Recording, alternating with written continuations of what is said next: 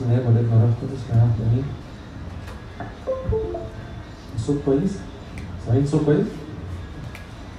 آه، إحنا هنتكلم هنتكلم في موضوع الناموس اللي أنتوا بديتوا فيه من قبل كده بس عقبال ما ال PowerPoint تطلع أنا عايز أقرأ معاكم شاهد مش موجود في ال PowerPoint ف- في رومية 9 بولس الرسول كان بيتكلم على آه، الإسرائيليين شعب بني إسرائيل دول قد إن هو كان متضايق عليهم جدا؟ لأن هم المفروض إن هم دول ليهم العهود والمواعيد ومنهم ال- المسيح حسب الجسد ودول أول شعب استلم الناموس. بيقول بس هو متضايق عليهم جدا لأنه بعد ما جه المسيح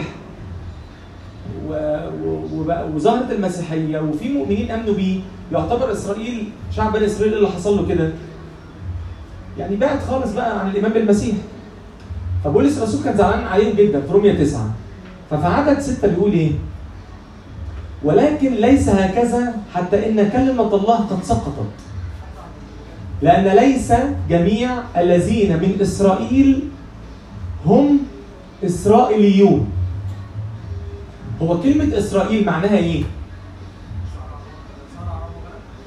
آه ده اللي حصل وقتها لكن معنى الكلمة إيه؟ أمير أمير مع الله أمير مع الله أو أمير الله. يعني ابنه. ما هو أمير ده معناها ابن للملك. فبولس هنا بيقول بس ليس جميع الإسرائيليون ليس جميع الذين من اسرائيل من إسرائيل هم إسرائيليون. يعني مش كل واحد اتولد في إسرائيل هو إسرائيلي حقيقي ابن لله وأمير مع الله. فاكرين المسيح؟ أو معلش أنا آسف هو ليه ليه في ناس بتتكلم؟ معلش. حاولوا تركزوا معايا. فاكرين لما المسيح قابل نسنائيل فقال له إيه؟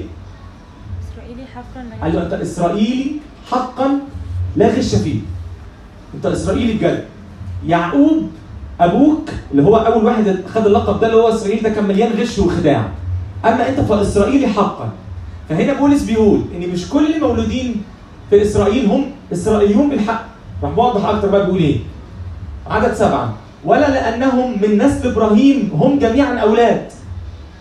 مش كل اللي مولود من إبراهيم هو الأول. طب أنا هديكم مثل كبير قوي. ده بولس بيكمل فبيقول بل بإسحاق يدعى لك نسل. أي ليس أولاد الجسد هم أولاد الله. بل أولاد الموعد يحسبون نسلا. لأن كلمة الموعد هي هذه إن آتي نحو هذا الوقت ويكون لساره ابن. هو إبراهيم كان عنده أولاد تاني غير إسحاق؟ كان عنده أولاد تاني. الأولاد التاني دول جابهم إزاي؟ يقول هنا الكتاب المقدس في روميا ويقول كمان في غلاطيا إن دول جابهم حسب الجسد يعني حسب استحسانه. هو جاب جاب. إسماعيل حسب استحسانه. شايف أنا أقدر أتجوز وأجيب نسل فأنا هتجوز هاجر وهجيب منها نسل أيوه بس الله وعدك من وقت إنك هيكون ليك نسل. من سارة ما هو وساره مش بتخلف. وأنا بعرف أتصرف. يا ابني اتقل. يعني اصبر تاخد حاجة نظيفة. يا عم حاجة نظيفة ليه؟ ما يعني ما الدنيا سالكة أهو. أنا أعرف أخلف. وادي هاجر وهجيب نسل. يا ابني انتظر الله. وانتظر الله ليه يا أخي؟ أنت بتعقد الدنيا ليه؟ هتبوظ الأرض. هتخربها. هخربها ليه؟ لما تروح تشغل جسدك. يعني إيه جسد؟ مش دم ولحم. جسد دي معناها الطبيعة الجسدية اللي ما تعرفش الله وما بتحبوش ومش عايشة معاه وبالتالي طالما ما بتحبوش وما تعرفوش فمش هتخضع له. ما بتحبوش. فينا الطبيعة دي؟ موجودة فينا؟ آه موجودة فينا ساكنة فينا. فراح إبراهيم يتجوز اتجوز وفعلا جاب إسماعيل. إسماعيل عمل إيه في الأرض؟ بوظ الأرض إسماعيل ولا ما تعرفوش تعرفوش إسماعيل؟ تعرفوش إسماعيل؟ تعرفوا إسماعيل؟ هزوا اعمل إيه حاجة كده تعرفوا إسماعيل؟ مش عارف أقول. أنا مش عارف أقول. بس عادة ما بنصدقش الله غير بعد. ما بنجرب؟ وبنلبس في الحيطة؟ والدنيا بتبوظ؟ أرجع أقول إيه بقى؟ يا رب فعلا. كل كلامك يا رب صح. مفيش كلمة من كلامك فعلا بتصدق ما انت عكيت الأرض وبهدلت الدنيا. يعني انت بعد ما عكيت الدنيا جاي تقول أيوه يا رب وأنت يا رب. بنفس الطريقة بنفس طريقة الجسد في ناس عايزة تعيش مع الله بنفس الفكر اللي هو قوة الجسد. إن أنا بعرف أعمل كذا فأنا شايف إن طالما أنا شخص ملتزم دينيا أنا بحافظ على صلواتي بحافظ على أصوامي. أنا شايف بصراحة إنه ما ينفعش الله ما يقبلنيش بصراحة يعني. ده في ناس أنا مكسوف أقول الكلام ده يعني بس هقوله. ده في ناس ما بتعبروش خالص. لكن أنا ملتزم جدا جدا. وبعمل كل الأمور اللي ورايا بالظبط ما بفوتش حاجة. فأنا أعتقد إنه لازم أنا أكون مقبول عند الله. كمل بقى موسى كمل بولس هنا وصل لعدد 14 راح قال رومية 9 14 فماذا نقول؟ ألعل عند الله ظلما؟ حاشا لأنه يقول لموسى إني أرحم من أرحم وأتراءف على من أتراءف يعني إيه؟ يعني ربنا ليه ناس وناس واللي ربنا هيرحمهم هم دول التمام واللي مش هترأف عليهم هم دول, خلاص بقى يعني هو ربنا بينقي؟ لأ. بس بولس هنا بيوضح إنه مفيش حاجة اسمها إن الجسد يعرف يلزم الله إن طالما أنا بعمل لك شوية أمور فأنا آسف يعني أنت غصب عنك لازم تقبلني. ولازم تقبل اللي أنا بديهولك. وده مين عمله في العهد القديم في تكوين أربعة؟ قايين. لما قدم على مزاجه. أنا شايف كذا وأنت المفروض لما لما أنا- اللي أنا بقدمه لك ده ده بالنسبة لك يبقى حاجة غنية قوي وحاجة كبيرة قوي طب ما تقبلتش الذبيحة. سقط وجهه واكتئب وجاء الله واتكلم معاه. ليه؟ اتكلم معاه. زي ما هنا بولس بيقول علشان يتراءف عليه. يتراءف لأن الله عاوز يتراءف. عاوز يفهمني إن مشكلتي أكبر من إن أنا أروح أعمل حاجة بشطارتي. مشكلتي أكبر من إنها تكون مشكلة سلوك. مشكلة أفعال. لا ده موت. موت. أنا ما أعرفوش. أنا ما أعرفوش. طب أنا ما أعرفوش يعني هو ربنا جايبنا على الأرض يعذبنا؟ لا ابدا. ما هو عشان كده هو بيحب. ها ونسوني بقى. يتراءف. يرحم. يقرب. يتكلم معايا في موتي. ويقول لي أنا جاي عايز أقومك. بس بعناد اوقات كتير بقول له لا أنا شايف إنه أنا المفروض يطلب مني واحد اثنين ثلاثة فاعمله بص أنا ماليش دعوة بموضوع الأحضان وبيحبني وبحبه جوده بصراحة. جودة يعني بقى أنا بتخانق منه بسرعة. ما أنت عايز إيه؟ أنا عايز steps. أختي اديني steps. قولي أنا عشان أعيش مع ربنا أعمل واحد اثنين ثلاثة ده اللي أفهمه. الله في الوقت ده بقى يعمل إيه؟ يعمل إيه؟ يعني ربنا جاب المنهج وقال له تعالى عشان اذاكره لك راح هو قال له لا أنا ماليش في الجو ده أنا شاطر وبعرف أذاكر. هيعمل إيه؟ هيديله المنهج. يقول له خد روح اعمله بقى. مع إن ربنا كان جاي يعمل إيه؟ يذاكر له. عشان يفهمه له عشان هو بيحبه. بس إيه أكبر مشكلة عند الإنسان كبرياءه؟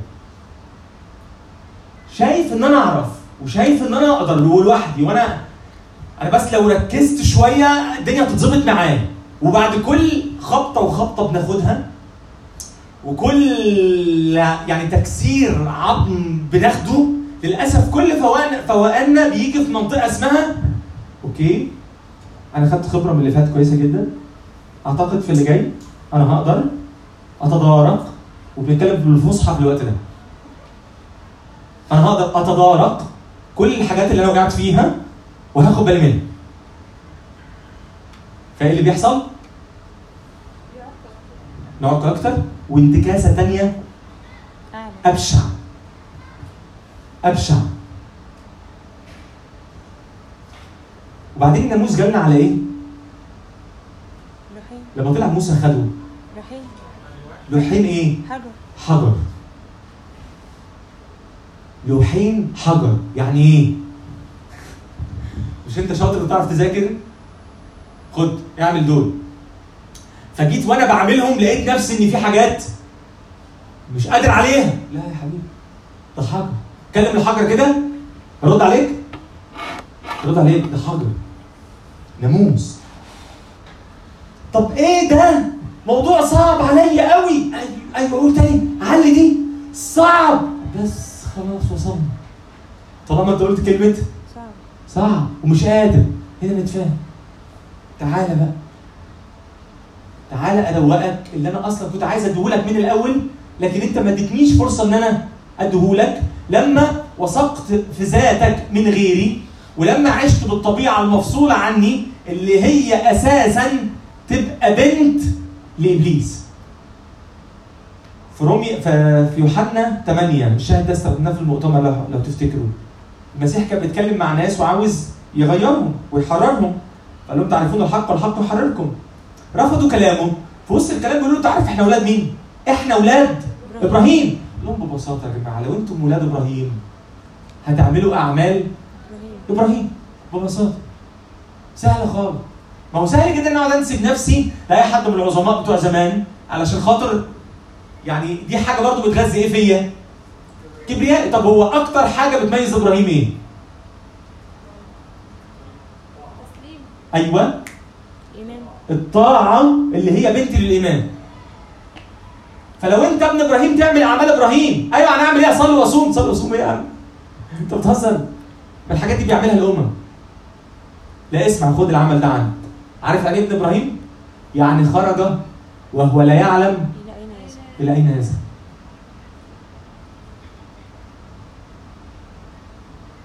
حد ناوي؟ يعني ربنا قال له اخرج إبراهيم من مكانك؟ راح خرج. رايح فين؟ ما يعرفش. دي بقى أعمال مين؟ إبراهيم. إبراهيم. محدش يعرف يعملها غير المولود من الله. دي ما بتتقلدش. أنا أقصى حاجة أعرف أقلدها هي إيه؟ هصلي وهقرأ كلمتين في الكتاب بتاعي مهما كان اسم الكتاب بتاعي وهصوم. وتفتكروا الحاجات دي برضو وأنا بعملها وأنا مبسوط مع الله؟ هتسيبني في حالي؟ لا. هقف وأنا بصلي وأرمي عيني كده على اسمك إيه؟ نيفين. وأرمي عيني على نيفين وأقول له اللهم اشكرك لأني لست مثل نيفين. يا عم مالك ومال نيفين؟ لا. ما هو لازم طالما أنا الحاجات دي خدتها عشان أثبت واحقق بطولات ما بيني ما بين الله لازم هتنفخني وأضرب عيني على أي حد وأقارن. بتصومي للساعة كام؟ أنت غلبانة خالص. وبتخدمي إيه؟ بتعرفي تقولي خدمة كلمة بتتكلمي في إيه؟ كذا انت على قدك خالص كل ده اللي هو فيما معناه إيه؟ هي ملهاش لازمة وأنا النجم لازم اعمل كده لازم اعمل كده ده بقى اللي اسمه إيه هنا؟ ده الجسد ده الجسد اللي فينا فالله لما بيلاقي الإنسان معاند وعاوز يثبت نفسه ومصمم وما أعرفش لو في وقت بقى ناخد قصة من العدل دي تشرح ده بالتفصيل يروح يقول له آدي الناموس اتفضل عيشه اتفضل روح عيشه لو الإنسان أمين مع نفسه بقى زي ما كنت بحكي هيكتشف إنه مش قادر. هيصرخ صرخه الله إني مش قادر. يبدا الله يفهمه إن أنا وأنا ما كنتش عايز لك كده من الأول. أنا عاوز أفهمك يعني إيه تتولد مني يعني إيه إن انعمت ليك بميلاد فوقاني عشان أولد فيك طبيعة جديدة مش من الأرض. مش هتعرف تقلدها دي خالص. انت انت اخرك تروح تشوف الجماعة المولودين من فوق دول بيعملوا إيه؟ تقلد الشكل الظاهر ليك بتاعهم لكن انت مش فاهم دول قلبهم فين؟ بيتغذوا منين؟ بيسمعوا منين؟ بيعملوا إيه؟ انت مش فاهم كده خالص. انت عاوز تشد الحياة السماوية دي تعملها لحاجة أرضية وت... وتقلد. تبدأ بقى تتخانق بقى على حاجات انت مش هتفهمها يعني إيه يخرج ومش فاهم وراه فين؟ وربنا ادانا عقل برضه. أنت بذمتك لو إبراهيم قال لك أنا خارج ومش فاهم رايح فين؟ وقال لك ربنا قال لي هتقول عليه إيه؟ بأمان. وأنا مش هقول إبراهيم هتقول عليه إيه بجد؟ يعني أيوه ما مخت... لا ما كانش لسه بقى كريم ولا حاجة. هو الكريم ده موسى بس هو لسه إبراهيم ولا حاجة. ولا خليل الله وقتها. ده واحد ظهر إله المجد لأبينا إبراهيم ودعاه وقال له اخرج خرج. طب خد خد دي. قبل ما يجي إسحاق بحوالي 25 سنة. إبراهيم كان متضايق. ربنا راح قال له مالك إبراهيم متضايق؟ قال له أنت هتديني إيه؟ وأنا ماضي عقيم. وارث بيتي. أنا متضايق. قال له تعالى بص لفوق. عد النجوم. عد النجوم. ده رهيب قوي عدها إزاي؟ طب عد رمل البحر. إيه العدد ده كله؟ بص هكذا يكون نسلك. ده كان وقتها اسمه برام قال له هكذا يكون نسلك في بوادر تقول إنه هيخلف. أنا بقول لكم قبل ما يجي إسحاق بكام سنة؟ 25 سنة. يعني مثلا افهموني لو ربنا جه ظهر لك وقال لك أنت أنت هيحصل معاك كذا كذا كذا تيجي بكرة انت قايم بمنتهى النشاط والحيوية. ونازل كده النهارده هيحصل معايا حاجات فظيعة. الدنيا هتكسر النهارده ولا حاجة تحصل. ممكن بكرة. ولا حاجة تحصل. ممكن بعده. ولا حاجة تحصل هتقول لنفسك إيه اللي حصل لك؟ ضحك عليا أنا ضاعت الوعد ده خده إبراهيم قبل ما يجي إسحاق بكام سنة؟ 25 سنة. مين يعرف يستحمل 25 يوم؟ مين يعرف يستحمل 25 أسبوع ولا 25 شهر؟ محدش يعرف يستحمل ولا يؤمن ولا يصدق غير المولود من الله ابنه. ده من يوميها إبراهيم غير اسمه. كان اسمه ابرام بقى اسمه إبراهيم. إبراهيم. لو أنت قابلت إبراهيم ابرام قلت له مساء الخير يا أستاذ ابرام رد عليك وقال لك ما تقوليش ابرام قول لي إبراهيم. إبراهيم اللي معناها إيه؟ أب لجمهور كثير. وأنت شايف عنده كام عيل؟ ولا واحد. هتقول عليه إيه؟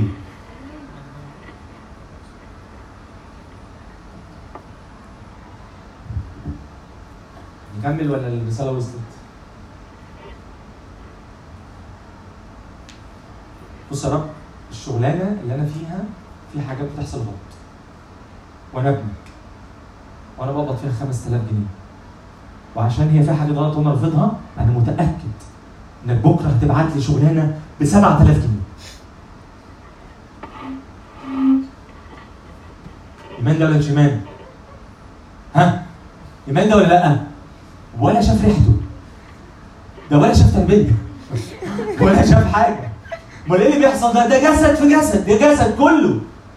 فأنا بملي إيه المفروض؟ أنا بملي ربنا بقى المفروض بقى أولادك بقى اللي يحصل معاهم بقى كذا كذا كذا. وتكرمني بكذا وتعمل كذا. عارف إبراهيم لما كان يعمل إيه؟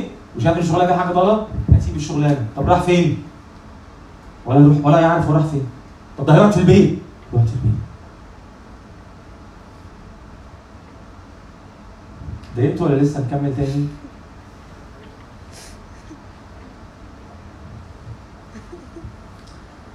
مع اعتذاري. مع كامل اعتذاري وأسفي. بس دي الحقيقة يعني إيه تؤمن بالمسيح؟ ترمي نفسك عليه. ترمي نفسك عليه.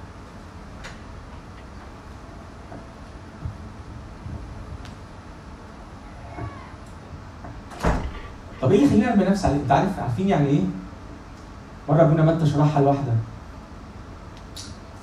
اختصار القصة يعني في الآخر قالت طب إزاي اؤمن بالمسيح؟ قال لها بسيطة أديك مثل هتطلع الدور الثالث وترمي نفسك وتبقى متأكدة إن المسيح هيشيلك من تحت.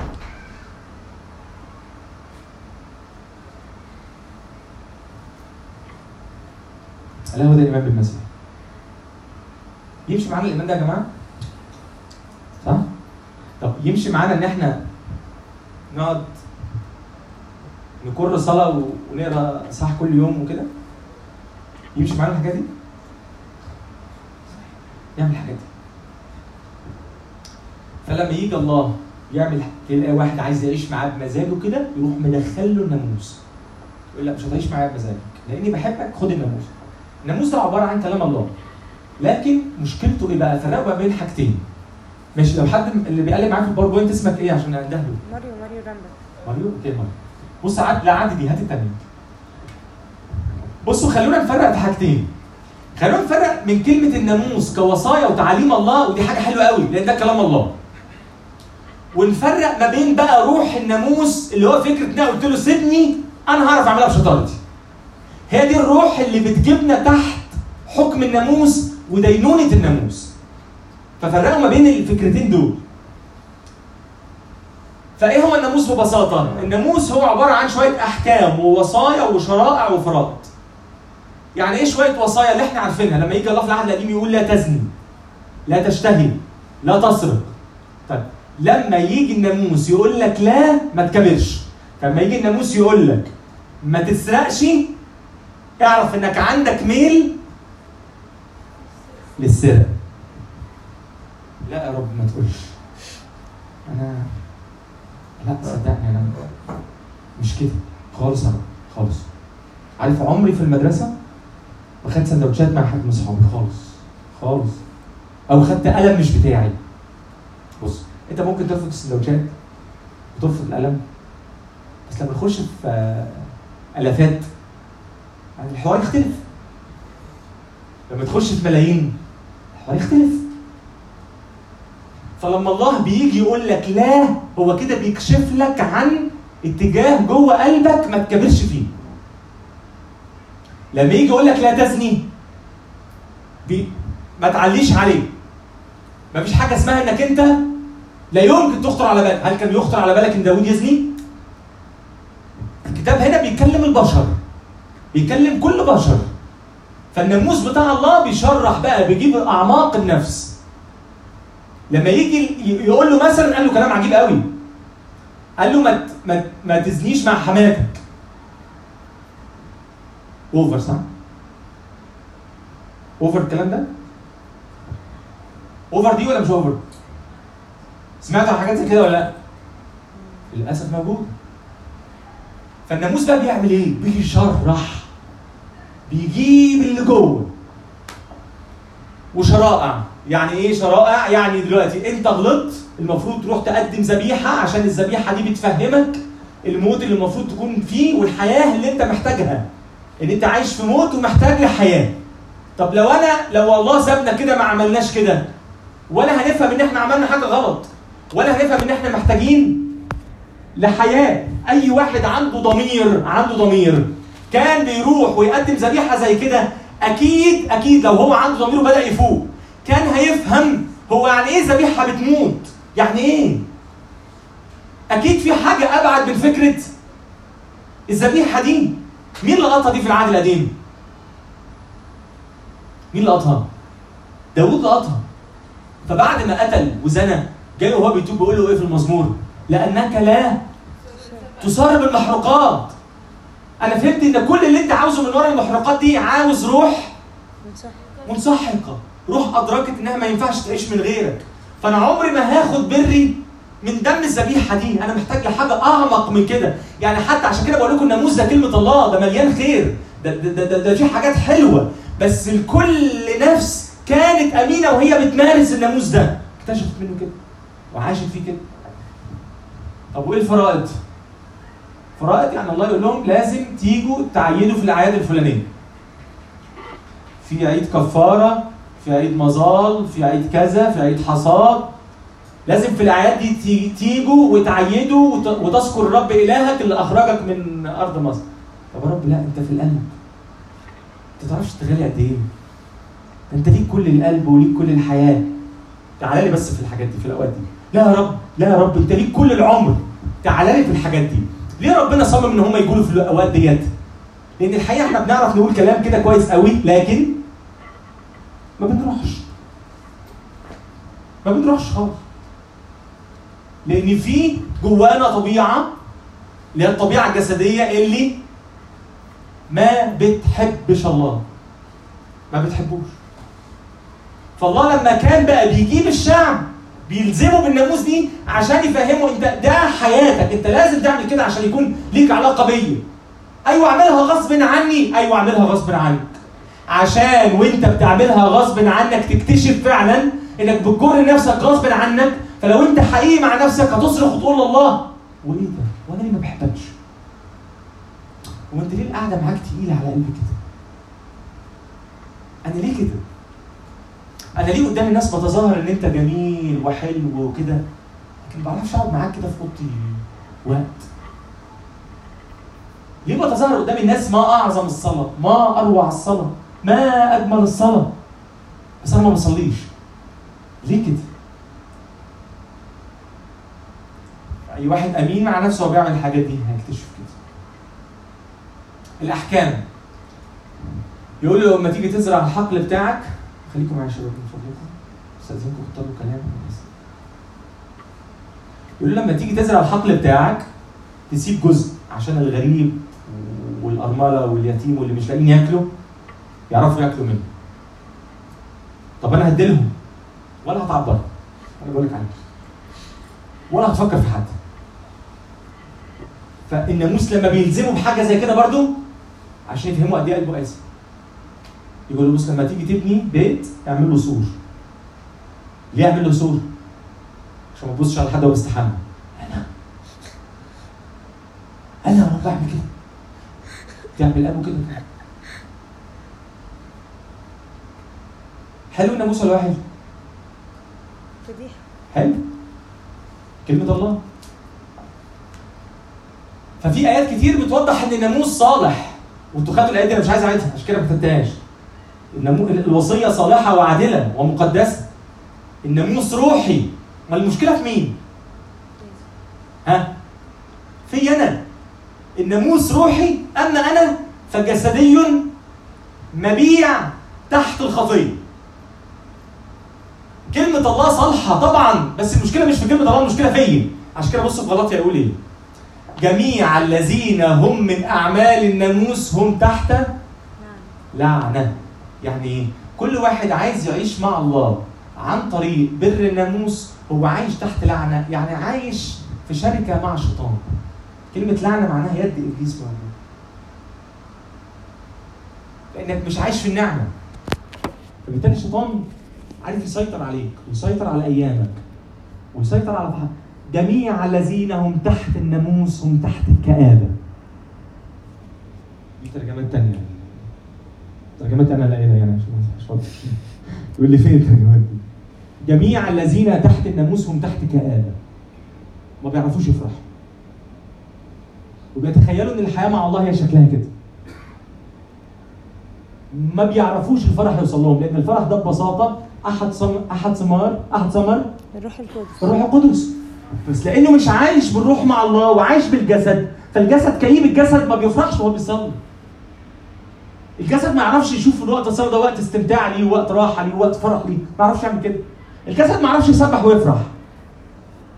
ما يعرفش يعني إيه الناس تفرح؟ يعني إيه الناس تفرح وهي بتصلي؟ يفرحوا إمتى يا بابا يفرحوا إمتى؟ تلاقي جات لك بقى آيات وتقص بقى ايات من الكتاب ملهاش علاقة بالمواضيع يعني وتاخدها كمقياس إنه الشخص اللي عايش مع الله لازم يبقى شكله كده. ملعون كل من لا يثبت في جميع ما هو مكتوب في كتاب الناموس ليعمل به. خدوا بالكم من كلمة جميع ملعون كل من لا يثبت فيه جميع. يعني أنت اخترت تعيش بالناموس فأنت مطالب إنك تطبق كل الناموس ليه لو طبقت كل الناموس هتكتشف إنك عاجز. بس أكبر كارثة برضو بنعملها إيه؟ بصوا وإحنا بنعمل ده. في نقطة أنا عديتها. يا جماعة مش إحنا أوقات كتير بن بنقول في حاجة اسمها عهد قديم وعهد جديد. وعهد القديم ده كان عهد الناموس لكن إحنا العهد الجديد ده وبنسميه عهد إيه؟ نعمة. النعمة. ده مش حقيقي. في ناس في العهد القديم عاشوا على مستوى النعمة وفي ناس في العهد الجديد ما زالوا عايشين على مستوى الناموس. بدليل أهل غلاطيا. أهل غلاطيا ارتدوا للناموس تاني. فأنت ممكن تكون عايش دلوقتي بس عايش على مستوى الناموس. اللي هو فكرة إيه المطلوب وأنا أعمله؟ إيه الوصايا اللي أنا اللي أنا المفروض أتممها؟ وتسمي ده بقى بمسميات بقى بتاعة عهد جديد عشان مثلا أنال الحياة الأبدية وتديها أنت أي أسماء كلها طبعا حياه غلط حتت مقطوعة من الكتاب ملهاش علاقة بيه. فالناموس لازم طالما أنت عايز تعيش بالناموس لازم تاخد في الناموس كله 10 من 10 أمال إحنا بنعمل إيه بقى؟ إحنا مش بنسمح للناموس إن هو يبين عجزنا. فبنيجي نختار كام حاجة من الناموس نعملهم وأقول أنا ما أعتقدش برضه إن ربنا دماغه ضيقة. وهيضيق يعني هي هيعلق على كل حاجة. أنتوا معايا؟ فإحنا كده بنعمل إيه؟ بنفلت حتى من تحت حكم الناموس. فبنعمل ناموس بدماغنا. يعني أنا يعني لو صليت وكده وما بقراش في الكتاب يعني دي مشكلة.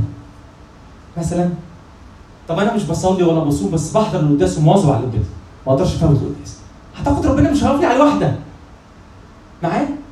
وعد بقى كل واحد يعمل لينا ناموس. لما باجي بتناقش مع حد من إخواتي اللي عاوز يتكلم في نقطة زي كده من أديان تانية. يقول لي صدقني صدقني فاهمين إن الدين بتاعنا غلط. الدين فيه واحد اتنين تلاتة حاجات حلوة جدا وعلى فكرة. كل حاجة لي دي بتكون فعلا حاجات حلوة بس أنا بقول له دي مش أمانة. أنت لازم تاخد دينك كله. أنتوا عارفين أكبر مشكلة فعلا إحنا فيها إيه؟ في الدين بتاعنا؟ الميوعة. يعني إيه ميوعة؟ بنعمل لنفسنا حاجتين ثلاثة ونتخيل نعمل لنفسنا حاجتين ثلاثة بنعرف نعملهم وكده ونعيش بقى بيهم وخلاص. طب ما بنوصلش لأي حاجة خالص.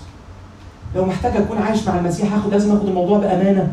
لو محتاج أكون ملحد لازم آخد الموضوع بأمانة.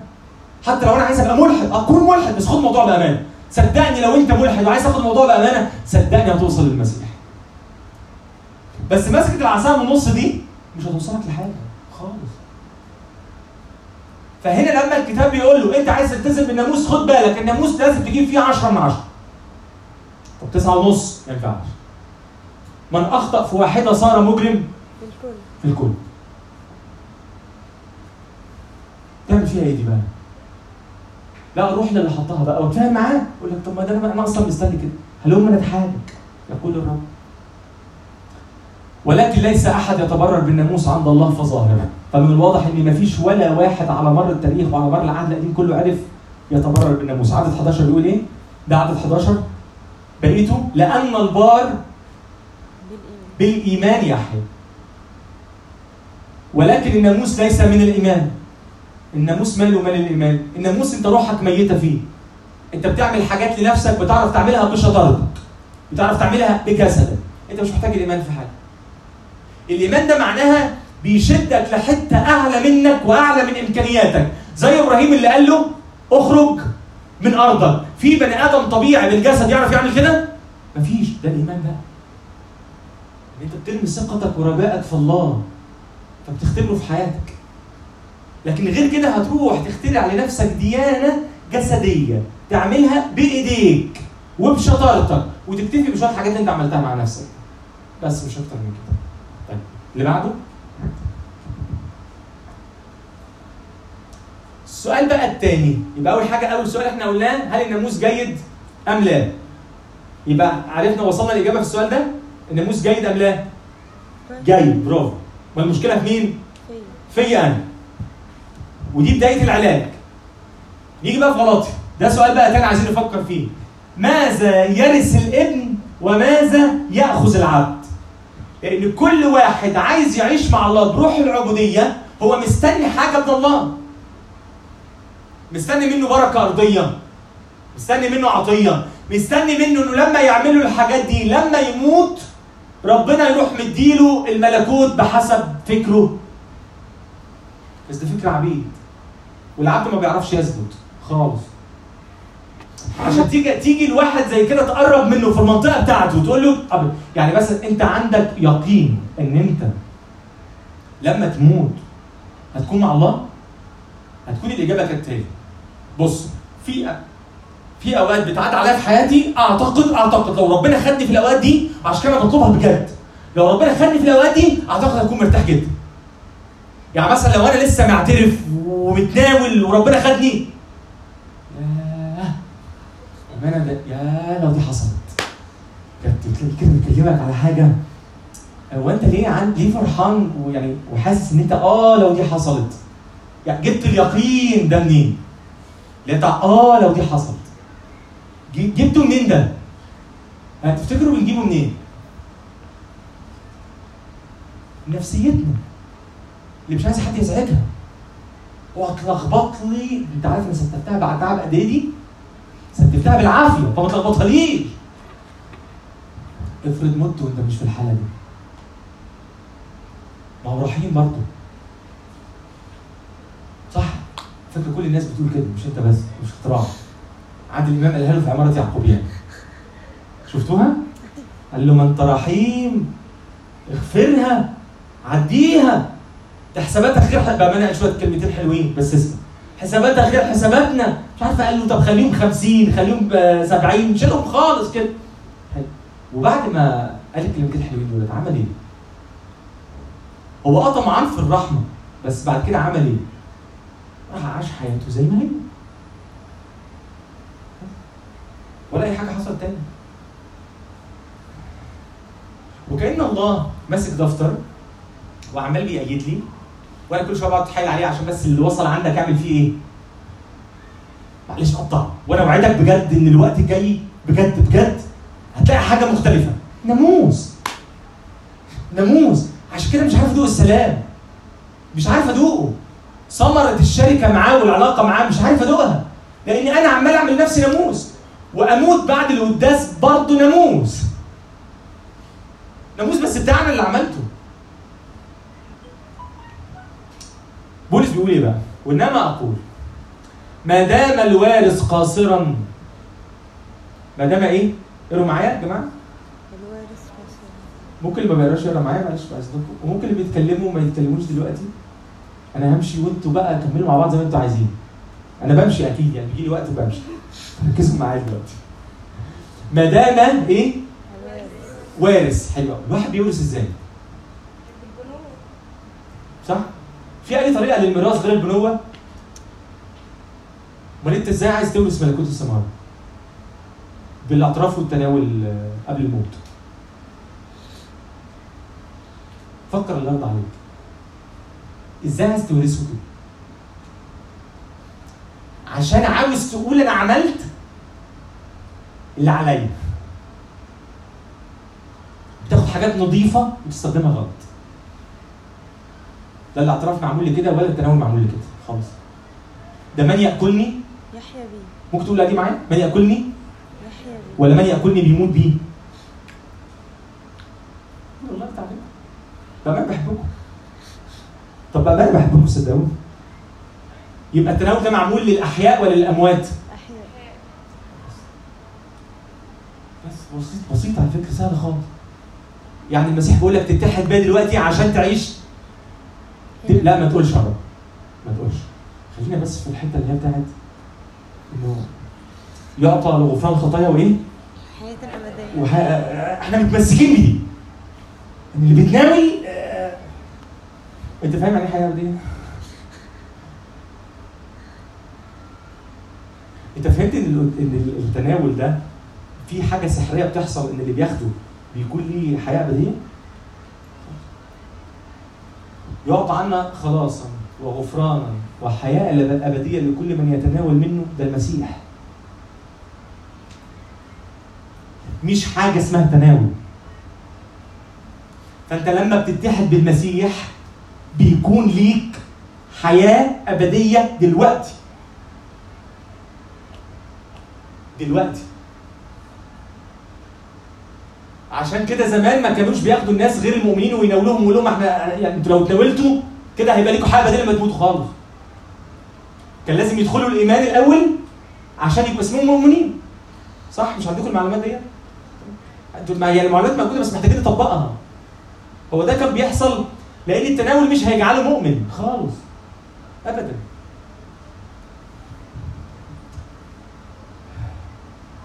بس بولس هنا بيقول بقى الوارث الوارث. ما دام الوارث قاصرا لا يفرق شيئا عن العبد.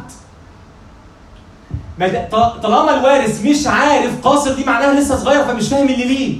هتلاقيه دايما بيتعامل مع الله بأسلوب العبد مع إنه وارث. مين كان في الكتاب المقدس في مثل قاله المسيح كان المفروض وارث ويتعامل إنه عبد؟ برافو عليكم برافو عليكم حط نفسه تحت الناموس مع إنه ليه كل شيء. طب عرفنا منين إن أبوه ما كانش راضي عن ده من سلوكه من اللي حصل له؟ لأن هو عايش مع أبوه بدماغ العبد مش الابن. فبالتالي بقى دخل زي ما كنت بحكي على نيفين زي ما كنت بحكي على إن لازم وأنا عايش في تدين أضرب عيني وأقارن نفسي بحد. الابن الكبير ده ضارب عينه وفرحان ومليان بر إن أخوه راح ساب البيت وهو ما خرجش. فشايف نفسه إن هو كده إيه؟ أكيد بقى أبويا هيطير من الفرح بيا. ما التاني ضيع كل حاجة وأنا الشاطر اللهم أشكرك. لست مثل الأخ الأصغر الذي بدت كل ميراثه. لا أنا حاجة أنا أنا خدمتك. فأكيد بقى أنا مكافئاتي هتبقى كتير وهيديني أكتر. ات- اتفاجئ لما أبوه استقبل اخوه الصغير. واكتئب واتضايق ورفض أن يدخل. وخرج لأبوه بيتكلم معاه. حبيبي مالك؟ ليه ما دخلتش. قال له أنا أخدمك سنين هذا عددها. وقد لن أتجاوز وصيتك. اسمع دي بقى. ولا- وقد لم تعطيني جديا لأفرح مع اصدقائي يبقى أنت كنت محتاج تاخد مني حاجة جدي ده هياخدوا بقى يعمل لهم حفلة يعزمهم على عشاء ياخدوا ويبيعوا ياخد فلوس ويروح يفرح معاهم. أهم حاجة الابن ده فرحته في مين؟ في أصحابه في الجدي. مش فرحته في أبوه خالص. قال له يا ابني أنت معي وكل ما هو لي هو لك. أنت اللي عايش معايا جوه البيت بدماغ القاصر اللي هو ما يفرقش حاجة عن العبد. فأنت عايز تعمل عشان تاخد. فبالتالي أنت تحت لعنة. بدليل الكآبة اللي أنت عايش فيها. ما فرحتش ليه إن أخوك رجع؟ ما فرحتش ليه؟ ليه كنايسنا مش مفتوحه للضال ليه كنايسنا مش مفتوحة للأنجاز والمصدرة واللي مليانين قذاره ومليانين حاجات صعبة ليه؟ ليه؟ ما حاجة من هي حاجة يعني هو الإجابة ملهاش تاني إنه طالما روح الابن الكبير هي اللي مسيطرة علينا فأكيد الناس دي عمرها ما هتخش. تخش ليه وإحنا شايفين نفسنا إن إحنا أحسن منهم أفضل منهم.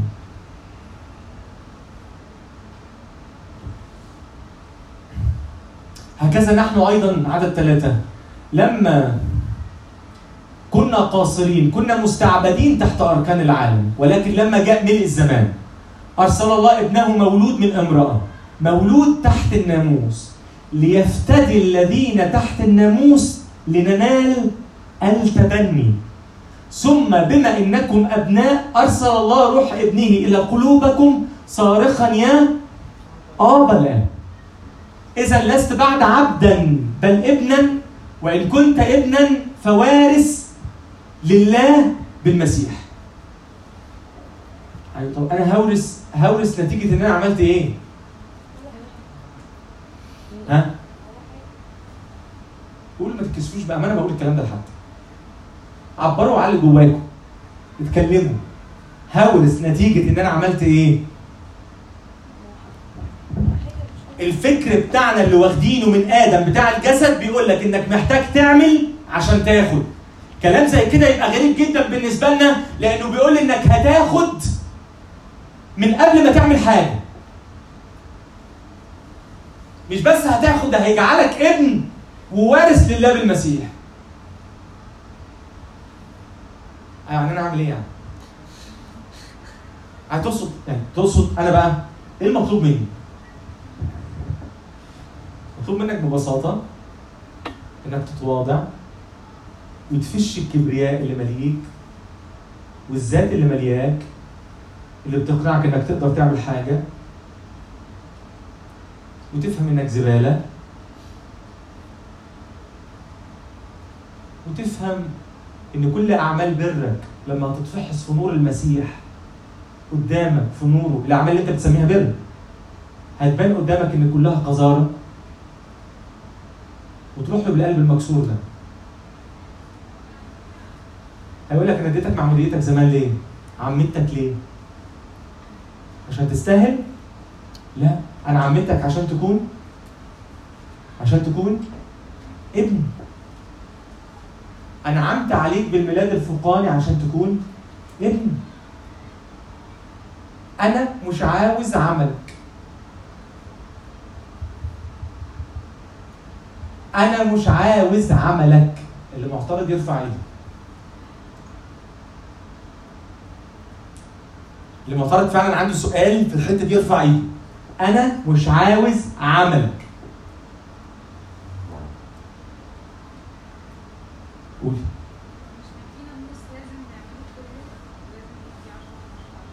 صح. ليه؟ ما الناموس ده جه ليه؟ عشان لما أبويا جه قال لي تعالى اشرح لك المنهج قلت له سيبني أنا بعرف أعمله لوحدي. قال لي طب خد بس افهم لازم تجيب 10 من 10 فهمتي؟ تيجي متاخر لا إحنا الحتة دي في الأول. فهمتي جه ليه؟ معايا؟ الله مش عاوز عملك. في حد عنده معترض على كده؟ أجيب إثبات الأول قبل ما أتكلم على الناموس وكده. الله راح للسامريه كلمها عن عملها. الله مع اللي امسكت في ذات المسيح مع اللي امسكت في ذات الفعل كلمها عن عملها. المسيح قال لزكا سوري يا زكا آسف. ما أقدرش اخش بيتك غير لما كل واحد انت خدت منه جنيه ترجعه. حصلت واللي عمله زكا ده في بني آدم عاقل يعمله فاكرين زكا عمل إيه؟ طب شمين ريحة مين أنا قلت عليه النهارده؟ ها شمين ريحة مين؟ اللي خرج هو مش فاهم هو راح فين؟ إبراهيم مش دي اعمال إبراهيم بقى؟ ده ابن إبراهيم ولا لأ؟ ده ابن إبراهيم. وفي حد يعمل اللي أنت عملته. مش هتعرف تقيمني. مش هتعرف تفهم أنا بعمل إيه. لأن الروح يهب حيث يشاء. أنت ما تعرفش هو راح منين ولا جاي منين. بس أكبر حاجة اكبر كارثة الآية دي بقى مش مش مش الكلام عن الروح. المسيح كان يقول هكذا كل من ولد من الروح. ما تعرفش تقيمه. ما تعرفش تفهمه. تعرفش تفهمه خالص. ما تعرفش تمسكه. هكذا كل من ولد من الروح. الله عايزني ابن. الله هنا بيقول المسيح جه عشان يتبناني ويديني اللي ليه وأصير وارث لله بالمسيح من دلوقتي. وأنا إمتى؟ من إمتى يعني بعد ما خدت خطوات إيه؟ أنا بعد ما أمسكت في ذات الفعل. من الوقت اللي الله بيجيبني وبيقول لي أنا اتبنيتك. وجعلتك وارث لله بالمسيح هحط فيك روح البنوة هحط فيك روح البنوة لأن أنا مش عاوز مش عاوزك شخص زي المكنة بتعمل أنا عاوزك ابن والابن بقى الابن مطلوب منه؟ واحد أنا كلمتكم عن يوسف؟ كنتوش عن يوسف ابني؟ المؤتمر حكيت لكم حطيت لكم صورته قبل كده يوسف دلوقتي عنده 8 شهور مطلوب منه إيه؟ ها؟ مطلوب منه إيه بامانه؟ لو حد بس يعرف حاجة لي. المفروض اعمل أقول له أروح البيت أقول له بص ما فهموني النهارده بقى. أنا اكتشفت إنت بتضحك عليا طول الثمان شهور اللي فاتت. إنت المفروض تعمل واحد اثنين ثلاثة ها؟ قولوا لي. المفروض يعمل إيه؟ طب من فضلك. مش ولا خليك زي آدم بقى. فضلك خليك زي يوسف. ممكن تسمح لله يغير لك؟ يغير لك وحش لا حبيبي أنت عارف إن في بلاوي بتطلع منك اسمح الله ينظفك هو أب وعايز يعمل كده. اسمح لله يأكلك. اسمح لله يحضنك. لأن الابن مش بيحتاج غير كده. لما هو بيقول لي هجعلك ابن هديك روح البنوة. عشان تعيش معايا تعيش معايا تستمتع بأبوتي لأن وأنا بعمل معاك كده إيه اللي بيحصل فيك؟ أنت بتتنظف أنت بتاخد روح جديدة. أنت بتشبع أمان في أبوة الله أنت بتشبع حب أنت بتشبع قيمة. فأنت بتلاقي نفسك إن كل اللي عمله فيك العالم والسنين والتربية و و و و اللي هو أصلا سبب أساسي في سلوكك الغلط دلوقتي وأنت رايح عاوز تعدله بشطارتك وتعدله بالناموس فبتلاقي الأمور بتتطين. أنت محتاج تكون ابن وتتشال. أنت محتاج تشبع بأبوة الله اللي بيقول لك على الأيدي تحملون وعلى الركب تدللون. يمشي معاك الكلام؟ ده تحتاج تشبع. وتشبع وتشبع وتشبع. ولما هتشبع وروح البنوة دي هتملاك وروح الثقة دي هتملاك وهتتعلم بقى ما هو يوسف إن شاء الله هيكبر. صح؟ هيكبر يوسف. ويتعلم يكون عنده جراءة في التعامل مع أبوه. عنده دلة في التعامل مع أبوه. يوسف بعد بقى يكبر وشخصيته تتعدل. هيبدا ينزل يواجه العالم. بس ينزل يواجه العالم بروح مين؟ روح البنوة اللي خدها إمتى المسيح بدأ يخدم؟ 30 كام سنة؟ طب ليه هو عنده 18 سنة كده ما ضربتش في دماغه؟ قال هقوم دلوقتي بص بص الحركة دي هو عامل لي معجزة كده فالأب هينبهر بيا دي ما عملهاش طب هو غلط إن أطلع أعمل معجزة؟ غلط يعني بقول لك في حد. غلط. بس هو جاي عشان يكون إيه؟ ابن. وعلامة الابن اللي شبع من أبوه علامته اللي بتميزه بقى حاجة ناموس ما أعرفش عنها فيك خالص. اسمها الطاعة. بتيجي نعمل كذا. شوف أبويا عايز ولا؟ لا وأنت مش راجل؟ لا الحقيقة مش راجل.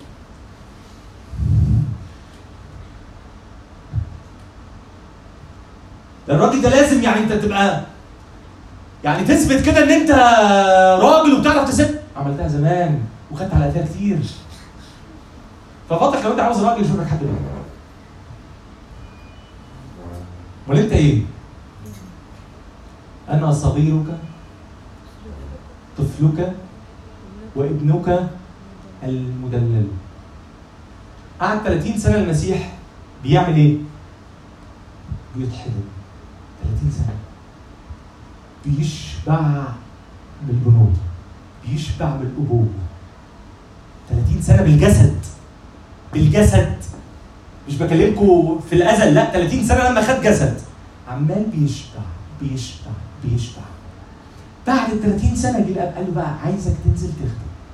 خدم ثلاث سنين ونص قلب بيهم التاريخ كله. أكتر حاجة واكلة دماغنا هي إيه بقى؟ إن أنا عاوز إيه؟ أعمل. فبروح أعمل بالجسد. ومقتنع إن لازم بقى ربنا يقبل اللي أنا بعمله. والله ما يبقاش أي حاجة خالص غير من ابنه اللي بيحبه ما يبقاش حاجة خالص غير المسيح. واللي في المسيح. وضحت الآيات دي فهمنا يعني إيه بقى أرسل الله ابنه ليفتدي الذين تحت الناموس يبتديهم يعني يجيبهم من حتة ينقلهم حتة ثانية طبعا ممكن اخلص نقط وآخد الأسئلة. ياخدهم من الحتة دي يجيبهم من الحتة دي. ومحدش بيعرف يطلع من هنا غير اللي كفر بنفسه وعرف إنه بالناموس ملوش حياه طيب اللي بعده؟ طيب ما إحنا بنقرأ كتير في الكتاب المقدس عن الأعمال وعن صفات الناس اللي هتعيش مع ربنا. يعني مثلا خد الشاهد ده في سفر الرؤيا. قائلا هو ذا مسكن الله مع الناس. حلو كده؟ أهو بقى. كلمة بقى على ال- القائمة النهائية. مين إيه الصفات اللي هتعيش في في مسكن الله مع الناس؟ من القائمة النهائية. وهو سيسكن معهم وهم يكونون له شعبا والله نفسه يكون معهم إلها. تمام عدد سبعة بقى. من يغلب يرث كل شيء وأكون له إلها وهو يكون لي ابنا. أول حاجة قالها بقى عدد ثمانية وأما إيه؟ إيه ده؟ خايفون وبعد الخائفون حط. غير المؤمنون غير المؤمنين بعد كده حط الراجسون والقاتلون والزناه إيه ده؟ إيه بتاع القلوبة دي؟ طب أنت بالذمة لو قعدت لو قعدت طول حياتك واخد أنت القايمة دي ف... يعني هم الزناه مش هيخشوا لا أنا ماليش في السحر الحمد لله ما عبد أوثان خلاص دي حاجات يعني كذا بقى يعني بص هو يعني بالنسبة للكذب يعني في إبريل بس مش دي تمشي يعني حاجات كده يعني خفاف يعني انت بتعمل ناموس نفسك كل ده نتكلم فيه طب وموضوع خائفون ده نعمل فيه إيه بقى؟ وليه الكتاب بيجيب لك موضوع خائفون ده قبل الزنا؟ أوحش من الزنا يا مايكل؟ الخوف أوحش من الزنا؟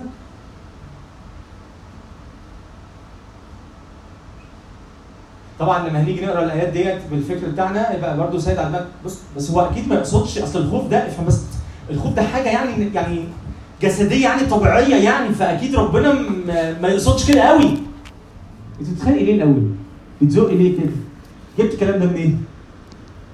أنا كنت في حتة بس هو لازم يبقى كده لأنه عكس اللي أنا عايش عايش بيه ها هنعمل إيه في خيفون؟ خوف من التسليم يعني زي إبراهيم كده زي إبراهيم كده هو إبراهيم ده عمل إيه يا عامل إيه يا كرم؟ نزل إبراهيم ده راح عمل إيه يعني؟ راح الكنيسه ورجع؟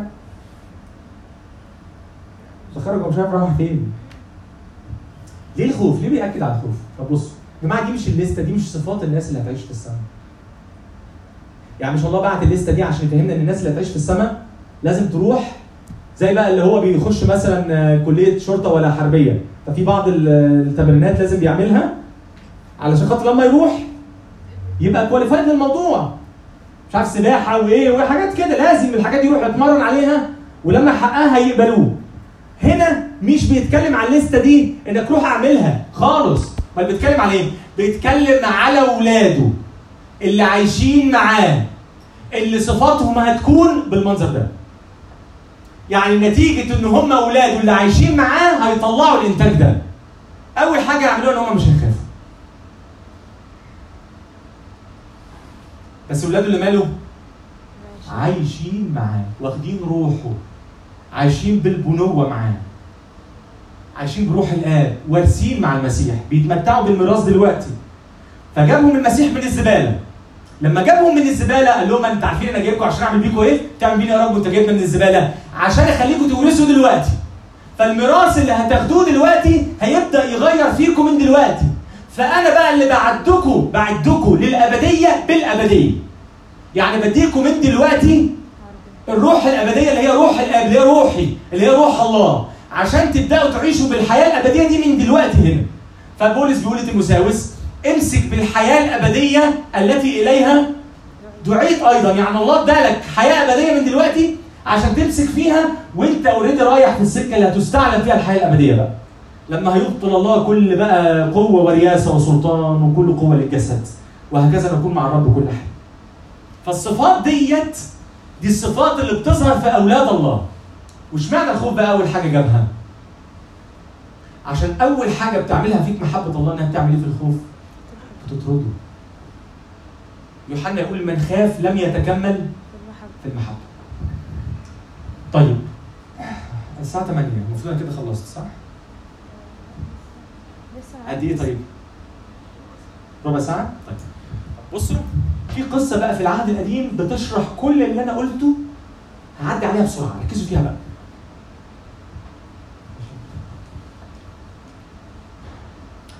بعد ما خرج شعب بني إسرائيل من أرض مصر الشعب ده لما ربنا خرجه من مصر كان أخباره إيه؟ ملائكة بيطيروا؟ لا عرفنا منين كده؟ من اللي حصل فين؟ في البرية بعد كده. شفتوا صفات الشعب؟ السؤال بقى اللي نوجهه لله. يا رب دي عينات تختارها؟ آه. دي العينات اللي تقعد معاك في الملكوت؟ آه. أنا هجيب المصدره وغير الموجود والضعيف والغلبان ومريم المجدلية اللي كان عليها سبع شياطين. أنا مش عايز غير العينات ديت. العينات اللي هي جابت قاع وأدركت إنها ما تعرفش تعيش من غيري هي دي اللي أنا هاخدها. هتاخدها بعبالها كده؟ آه هاخدها بعبالها. وأنا هنضفها. هنضفها بالنعمة.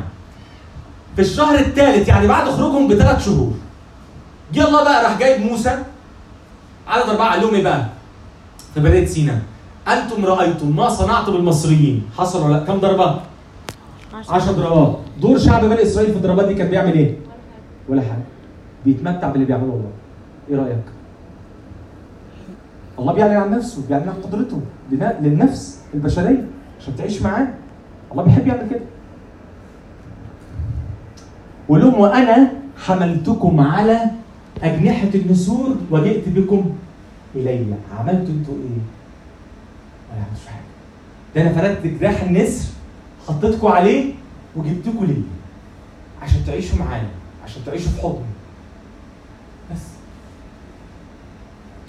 فالآن إن سمعتم لصوتي. بعد ما جبتكم بقى أنا عايز أفهمكم إن عندي ناموس. وناموسي مش غلط. بس افهم بقى. وأنا جايبك في حضني. مين هيعلمك الناموس؟ أنا. فعشان كده بقى أنا جبتكم بعبالكم بس هبدأ بقى أشتغل معاكم وهنضف فيكم. فإن سمعتم لصوتي وحفظتم عهدي هتكونون لي خاصة من بين جميع الشعوب. فإن لي كل الأرض وأنتم تكونون لي مملكة كهنة وامه مقدسة. هذه الكلمات التي تكلم بها بني إس... التي تكلم بها بني إسرائيل. الله قال لموسى كده. مش اللي بعده؟ يعني الله بيقول لهم أنا جبتكم و وهغسلكم وانضفكم واشبعكم واغيركم ومن كتر ما أنتوا بقى تشبعوا بيا بعد كده بقى هنزلكم تتحركوا على الأرض كملوك وككهنة. كل اللي هيشوفكم أنتوا بتتحركوا على الأرض هيقول عليكم ده إيه؟ ده ملك وابن ملك. من خلال التربية اللي أنتوا هتعيشوها معايا. راح موسى قال للشعب قال لهم يا جماعة ربنا بيقول كذا كذا. رد الشعب وقال له إيه بقى؟ عملوا زي اللي خد الواجب من أبوه وقال له أنا هعمل. فجاء موسى ودعا شيوخ الشعب ووضع قدامهم كل هذه الكلمات التي أوصى بها الرب. فأجاب جميع الشعب كلهم بلا استثناء معا وقالوا كل ما تكلم به الرب نفعل. هو الرب أصلا لسه ما اتكلمش في حاجة ده الرب أصلا بيقول لك شفت أنا عملت إيه معاك؟ شفت حبيتك قد إيه؟ شوفوا عاوز إيه ماشي اللي بعده. فقال الرب لموسى اذهب إلى الشعب وقدسهم اليوم وغدا وليغسلوا ثيابهم. ويكونوا مستعدين لليوم الثالث. لأن في اليوم الثالث ينزل الرب أمام عيون جميع الشعب على جبل سيناء. وتقيم للشعب حدود من كل ناحية. قائلا احترزوا من أن تصعدوا إلى الجبل أو تمسوا طرفه. كل من يمس الجبل يقتل قتلا. لا تمسوا بل يد لا تمسوا يد بل يرجم رجما أو يرمى رميا. بهيمة كان أم إنسان لا يعيش. أما عند صوت البوق فهم يصعدون إلى الجبل. إيه اللخبطه دي؟ يعني انت جاي بطبيعة على الجبل وبتقول محدش يعمل إيه؟ يمس الجبل. بس لما تسمعوا البوق اطلعوا الجبل. بص يا حبايبي. الله هو الله. قدوس. طبيعته غير طبيعتنا. مهوب. مخوف. مخوف فعلا. لو حنانيا وسفيرة استهبلوا في محضره يموتوا. لو اظهر مجده بجد حنانيا وسفيرة يعملوا خطيه يموتوا. لما يجوا يشمخوا على الله. ما إحنا كنا كويسين وعمال تقول لنا أحضان وعمال تقول لنا يغير لنا وعمال تقول لنا يحبنا وقلنا تمام أقول لك ما غيرتش كلامي خالص. هو هو نفس الإله اللي حبك وبيغير لك وبيكبرك. هو نفس الإله ده اللي هيعلمك طرقه وهيعلمك طبيعته هيعلمني طبيعته انت بتقول إن هو قدوس ما انت كمان هتبقى مقدس. انت كمان هتتقدس فيه. هيغير طبيعتك هيغيرها من جواك ويغير اتجاهاتك. ولا انت عايز تفضل تعيش معاه من بعيد لبعيد. وده اللي حصل. بصوا معايا. فإذا هنا بس عايز أقف في النقطة دي ماشي قلب معايا يبقى الله هنا بيقول لهم أنتوا هتصعدوا ولا لأ؟ بس هتصعدوا فين بقى؟ فوق الجبل. ليه؟ تحت الجبل. عارفين لما بنصلي نقول يا أبانا الذي يعني إيه؟ في حتة عالية. اعلى من الناس اللي عايشة على الأرض. وأنا أبويا فوق. ولما أكون عايش مع أبويا اللي فوق هبدأ أتحرك بأخلاق فوق وبطبيعة فوق. لأن أنا أدركت إن اللي كل اللي بيعيش على الأرض بطبيعة الأرض ده ميت. والله بقى خدهم بالنعمة واختارهم وعاوز يطلعهم للحته دي. فانحدر موسى من الجبل إلى الشعب وقدس الشعب وغسلوا ثيابهم وقال الشعب كونوا مستعدين في اليوم الثالث عدد 17 لا من عدد 16 وحدث في اليوم الثالث لما كان الصباح أن صارت رعود وبروق وسحاب ثقيل على الجبل. رعود وبروق.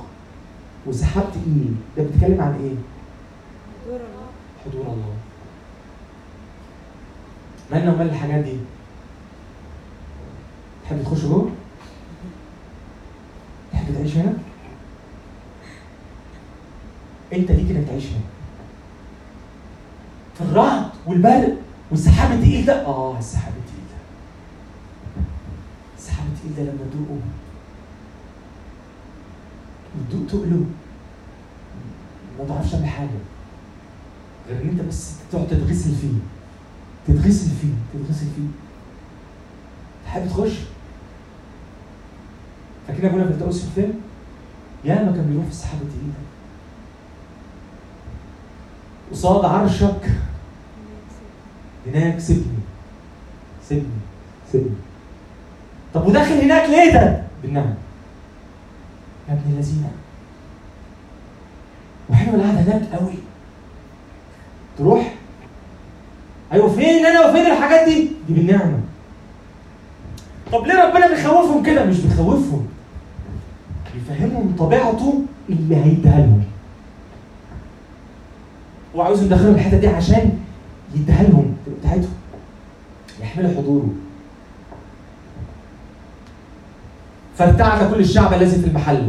وأخرج موسى الشعب من المحل لملاقاة الله. فوقفوا في أسفل الجبل. عدد 18 وكان جبل سيناء كله يدخن من أجل أن الرب نزل عليه بالنار. النار دي ليها علاقة بطبيعة الله؟ آه مكتوب في العهد الجديد كده إن إلهنا نار أكلة. النار دي بتعمل إيه فينا؟ بتحرق الشر اللي فينا. بتحرق الميول الغلط اللي فينا. أنا مش هخاف أخش في النار. النار دي بتدفينا. تخلي قلبك دافي. مدوبه التليج اللي في ال- ال- ال- التلج اللي في القلب. ما بتخليكش فاتر. الفاتر ده اللي هو ملوش طعم. اللي هو لا حار ولا بارد. لا النار ما بتخليكش كده. وانت عايش في النار دي. وكان جبل سيناء كله يدخن من أجل أن الرب نزل عليه بالنار. وصعد دخان كدخان الأتون وارتجف كل الجبل جدا. فكان صوت البوق يزداد اشتدادا جدا. وموسى يتكلم والله يجيبه. بصوا اشمعنى موسى؟ اشمعنى موسى؟ ما تغير اشمعنى موسى؟ هل الشعب غار بقى؟ لا ما غارش. بصوا عمل إيه؟ وكان جميع الشعب يرون الرعود والبروق وصوت البوق والجبل يدخن. ولما رأى الشعب ارتعدوا ووقفوا من بعيد وقالوا لموسى تكلم أنت معنا فنسمع. ولا يتكلم معنا الله لئلا نموت. شوف العقل. شفت العقل؟ الطبيعة الجسدية دي بأمانة عليها حكمة يا جماعة.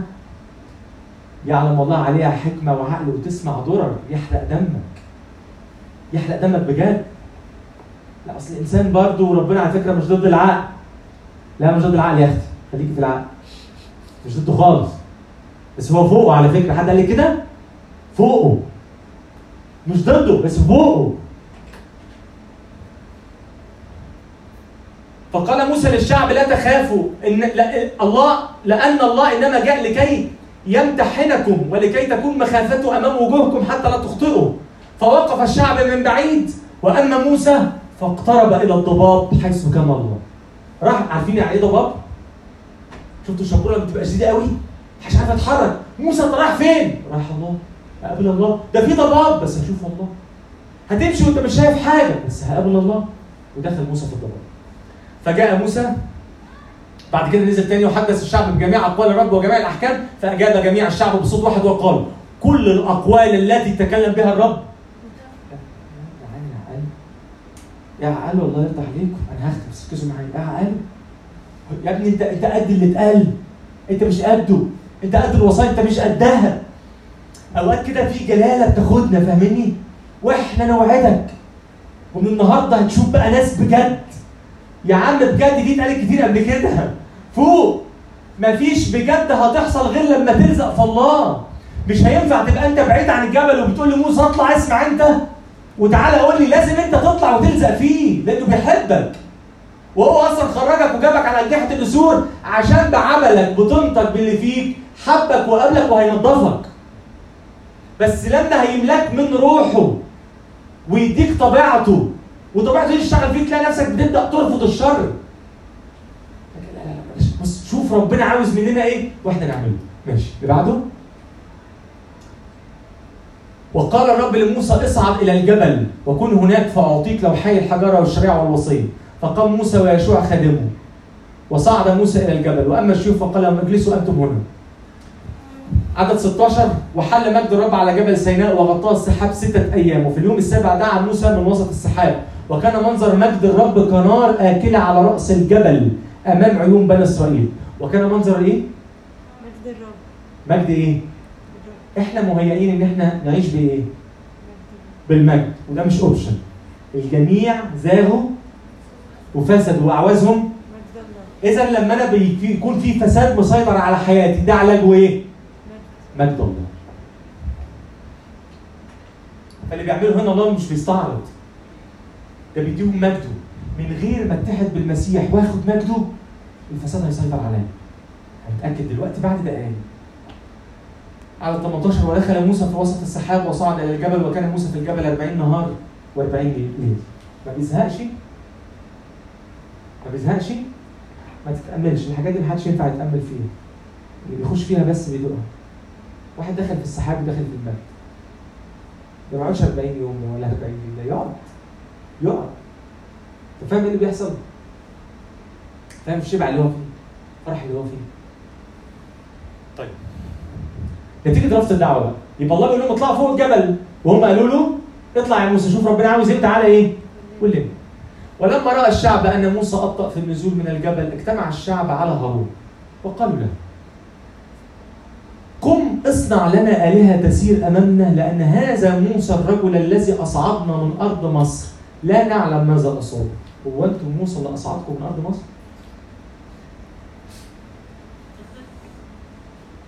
موسى اتأخر فوق حصل بس هو اللي طلعكم؟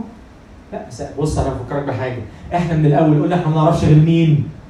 موسى فلما موسى يتأخر يبقى إحنا لينا حق شفت سهلة إيه؟ سهلة إيه بس بتعقدوا ليه؟ إحنا ما نعرفش غير كده فاهمين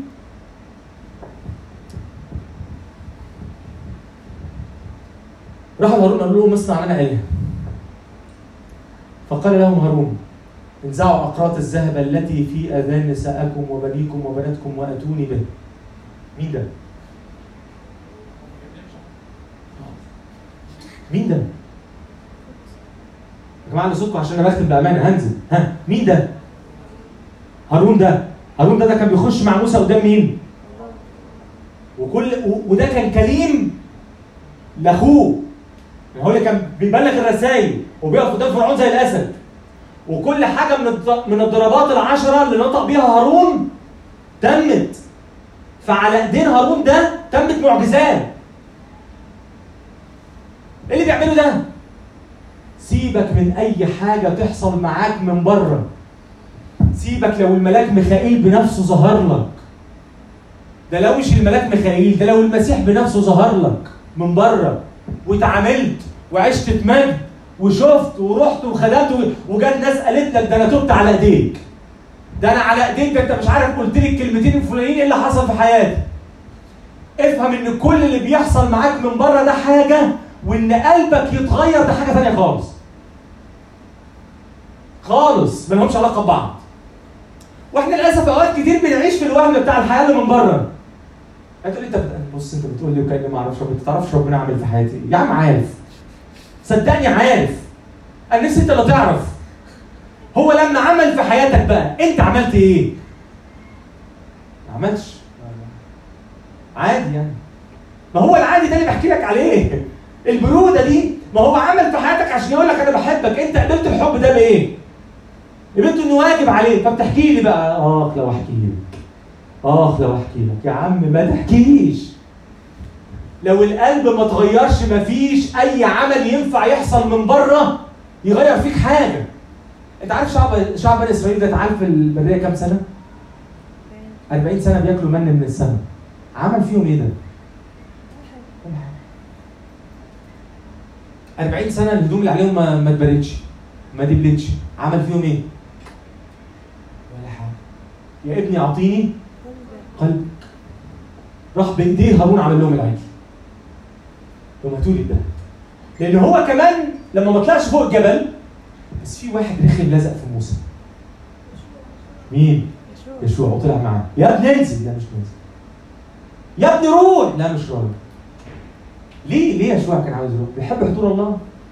يشوع لما كان موسى بيسيب الهيكل كان بيلزق آه، آسف في الخيمة. بعد كده كان بيلزق فيه. بيحب حضور الله.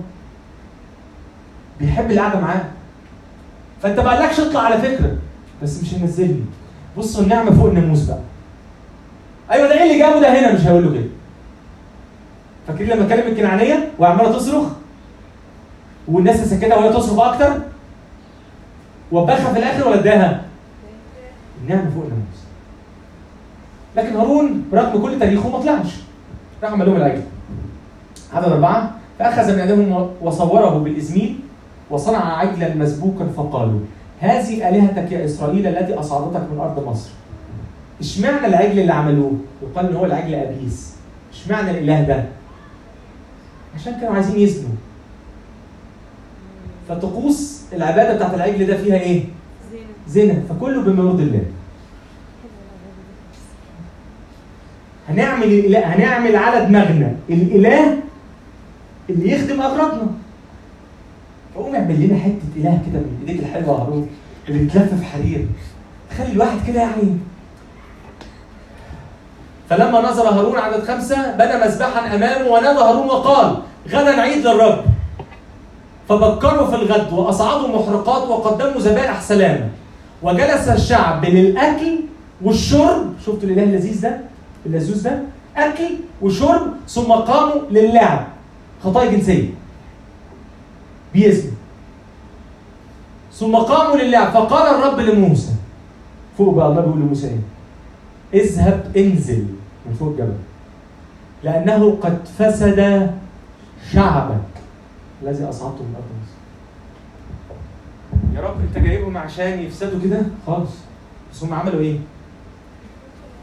رفضوا يطلعوا فوق الجبل. النعمة بتدعونا لإيه؟ لدعوة عليا في المسيح.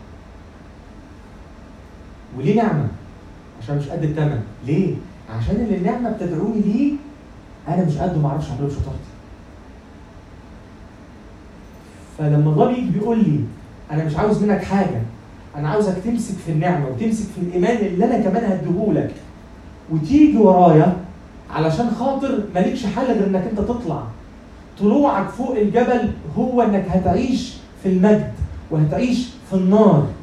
لكن وجودك تحت الجبل خطاياك وطباعك وعاداتك هي اللي هتسيطر عليك مهما كنت اختبرت في حياتك القديمة مع الله. مهما كنت شفت معجزات في حياتك ملهاش قيمة جنب القلب اللي بيتغير. كل المعجزات والرعاية الله بيعملها مع كل الناس بلا تفرقة. لكن اللي الله بيعمله مع أولاده إنه بيطلعهم معاه فوق الجبل عشان يغير طبيعتهم ياخدهم من تحت الناموس يحطهم تحت النعمة. يديهم كل اللي ليه وياخد اللي ليهم فيبدله شفت الفرق؟ شفت الفرق بتاع الناموس؟ يبقى ليه الشعب حب إن الناموس يجي؟ عشان هم حابين اللقطة دي. هم عايزين كده. لا بص شوف كده ربنا عايز إيه؟ تعالى قول لنا. عشان بصراحة يعني أنا عارف نفسي. أنا عارف إن أنا بميل للعك. ما بحبش أدوس بنزين قوي في العلاقة مع الله. خليني كده في الحتة اللي أعرف فيها. أروح واجي. هتروح ومش هتيجي.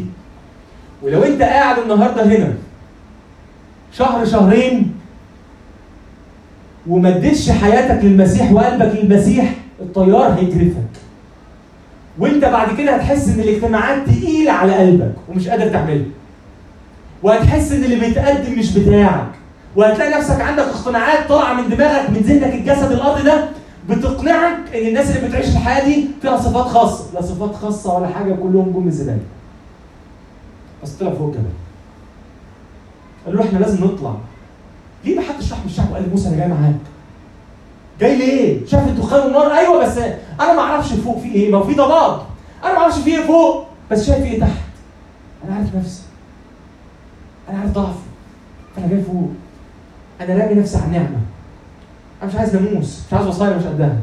أنا عايز النعمة اللي تروح شداني. الله عنده قوة تعرف تروح حاطط تروح حاطط يده كده وراك سندك وأنت طالع الجبل لأن طلوع الجبل صعب. بس في نعمة هتشدك إنك تطلع الجبل. في نعمة مخلصة ظهرت لجميع الناس. لالهنا المجد دائم الابد أمين. حد عنده سؤال؟ حاضر. شو اتفضل.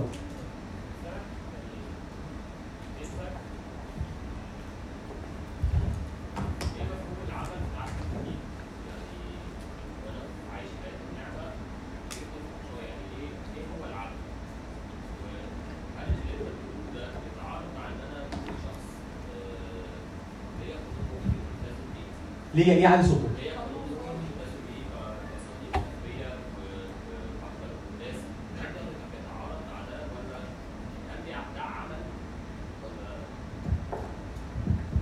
أشكرك يا باشا سمعتوا السؤال ولا اقوله تاني عشان تسمعوه؟ ولا أنتوا نايمين؟ أقول نايمين صح؟ السؤال بيقول هل ده يتعارض مع العمل بتاع العهد الجديد؟ إن أنا ليا ناموس آه، آسف ليا قانون روحي ألتزم بيه وليا حضور قداس وليا صلوات اجبيه التزم بيها أعتقد بشويه جه متأخر شوية لأن إحنا كنا اتكلمنا كده في الأول صح؟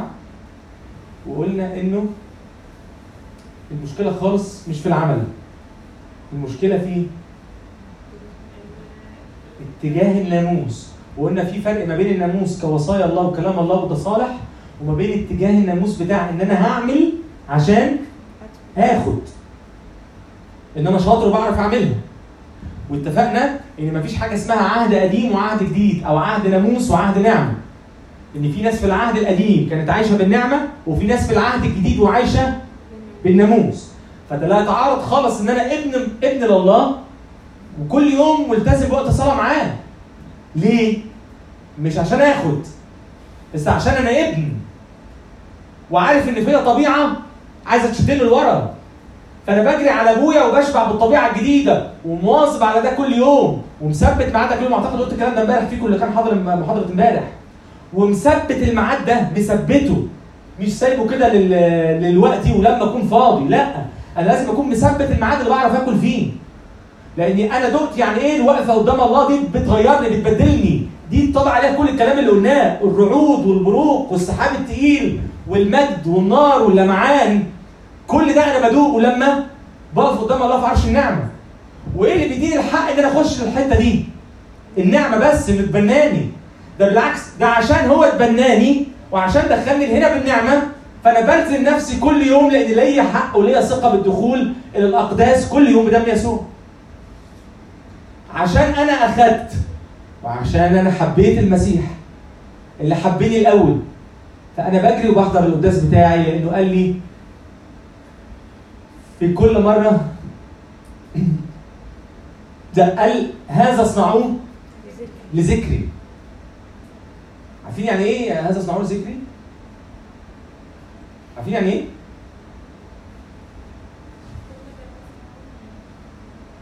مش عارفين؟ يعني افتكروني يعني دي مليانة دي قوي على فكرة يعني افتكرني افتكر محبتي ليك. افتكر اني أسلمت نفسي لأجلك عشان أشتريك عشان أجيبك عشان أردك.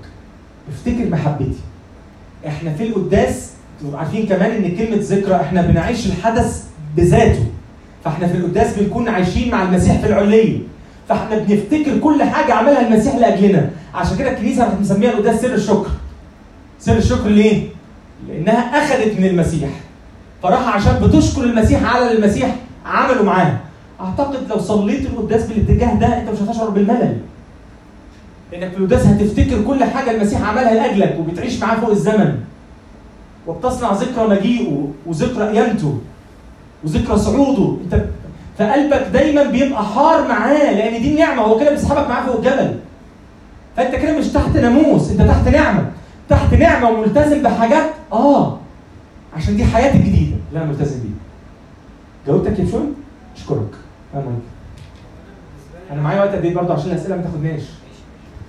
طيب ماشي. اتفضل. هو مش في العهد القديم اللي كان بيقرب من حضور الله ده كان بيموت؟ اللي هو يعني في أيوه العهد القديم ما كان ما كانش فيه خالص نعمة.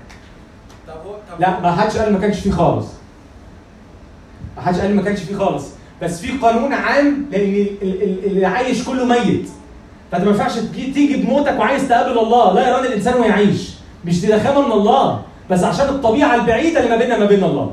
طب افت- افترض بقى شخص أدرك ده وأدرك ضعفه وموته وطلب من الله بالنعمة انه يشوفه. زي ما مين برضو النهارده؟ زي ما مين طلب من الله اللي انت بتقول ده بالحرف؟ ها؟ في العهد القديم؟ لا. موسى. قال له أريني مجدك. قال له إيه اللي بتطلبه ده يا جدع؟ ما ينفعش. لا يرى الإنسان ويعيش قال له عايز أشوف مجدك. قال له أنت إله رؤوف ورحيم أنا عايز أشوف مجدك. قال له هترأف عليك يا موسى. فترأف عليه وأظهر له مجدك. بس طبعا مش بالملء اللي ظهر بيه المسيح في العهد الجديد ده شافه بعد ما عدى. شاف مجده بعد ما عدى. بس بس مش بالمجد اللي إحنا شفناه في المسيح في العهد الجديد. فاللي في العهد القديم كان بالنعمة بيطلب حضور الله كان بيدوقه وكان بيشوفه. مش بيشوفوا بال... مش بيشوفوا بالعيان ها؟ أنا أنا فاهم بس هو بيشوف مجده يعني كان في انفصال بين السمائيين والأرضيين صح. كان في خطية. صح. يبقى إزاي؟ بس في في وسط الانفصال ده ناس طلبته بالنعمة فجالها زي داوود. اللي قال له أخترت لنفسي أن أطرح على باب بيت الله أفضل أسكن في مظل الخطاة. اللي قال لنفسه فرحت بالقائلين لي إلى بيت الرب نذهب إلى حضور الرب يعني. فعرف يفرح بحضور الله في العهد القديم. في ناس كتير عرفت تحضر تفرح بحضور الله في العهد القديم دانيال فرح بحضور الله في العهد القديم يوسف فرح بحضور الله في العهد القديم وكان الرب مع يوسف فكان رجل النجاح بحضوره. آه الناس دي برغم إنها في العهد القديم لكن عاشت على مستوى النعمة. أنا لسه قايل ده من شوية. إن في ناس في العهد القديم عاشت على مستوى النعمة. تمام؟ مين عنده سؤال تاني؟ تمام كده؟ ماشي اتفضل. اتفضل نصلي Thank you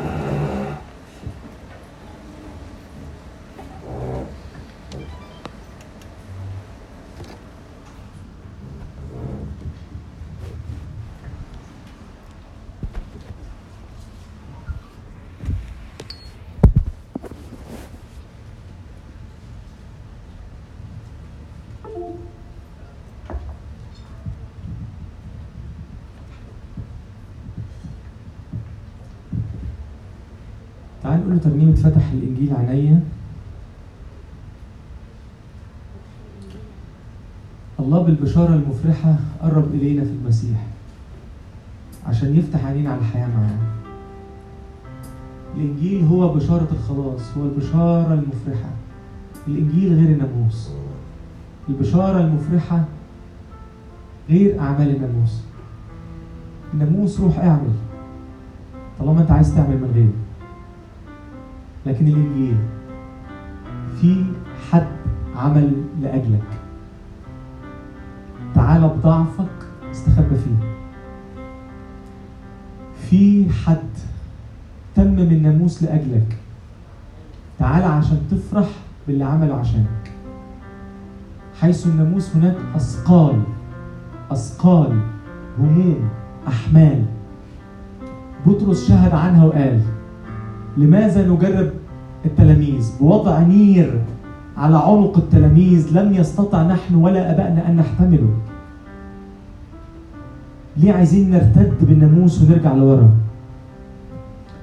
المسيح جه عشان يرفع من علينا ويدينا اللي هو عمله عشاننا مش عشان ننام بالعكس تماما تماما لكن عشان ننضف عشان تتغير طبيعتنا. عشان ناخد حاجة مش من هنا مش من الأرض. عشان ناخد طبيعة سماوية تشدنا لفوق تعلمنا ندخل في مداخل الحجاب. تعلمنا إن إحنا مش من هنا. تعلمنا إن إحنا أبونا في السماوات. تعلمنا نعيش من فوق ما نعيش زي البشر اللي عايشين وهم مفصولين على الله تحت. دي البشارة المفرحة في المسيح. امين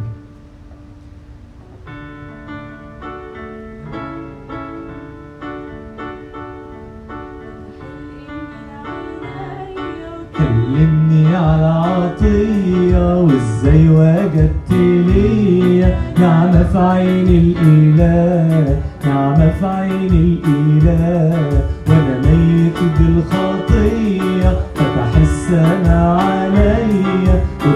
أبدية جدد فيا الحياة جدد فيا الحياة. جمرة سماوية مس شفتايا نزعة معصية. ستر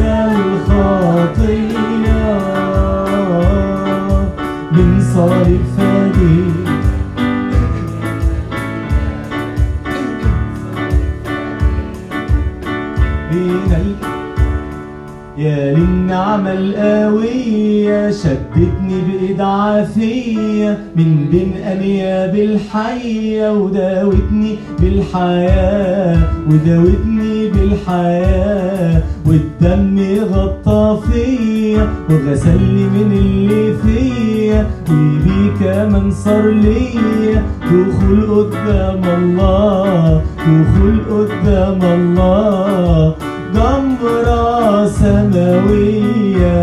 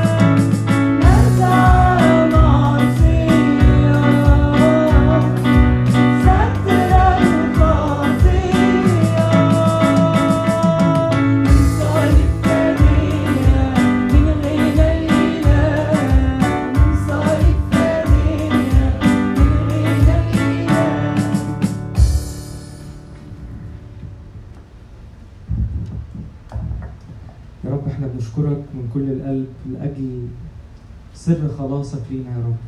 اقتربت إلينا في ابنك حبتنا في المسيح صالحتنا في المسيح اتبنتنا في المسيح.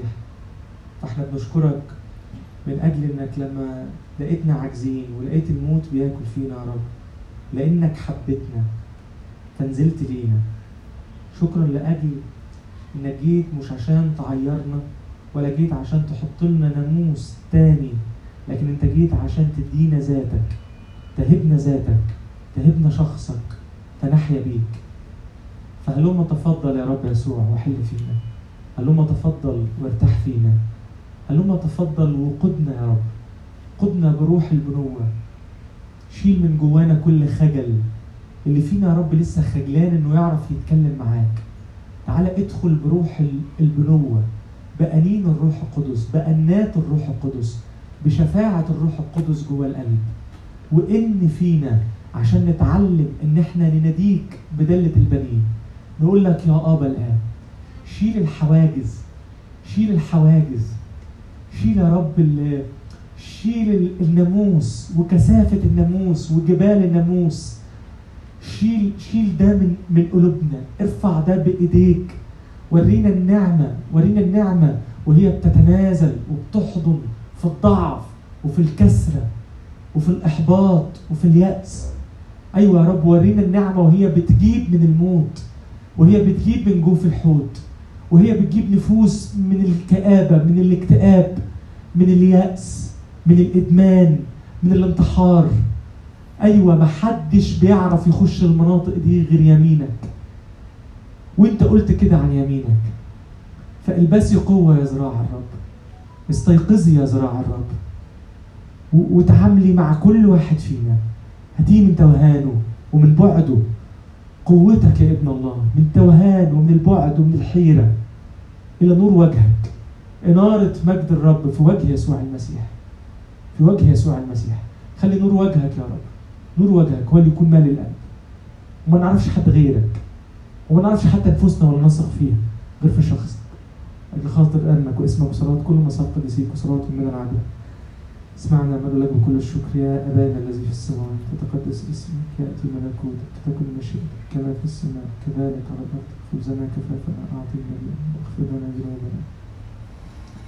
لا تدخلنا في تجربة لكن نجينا من الشرير بالمسيح يسوع ربنا لك الملك والقوة والمجد.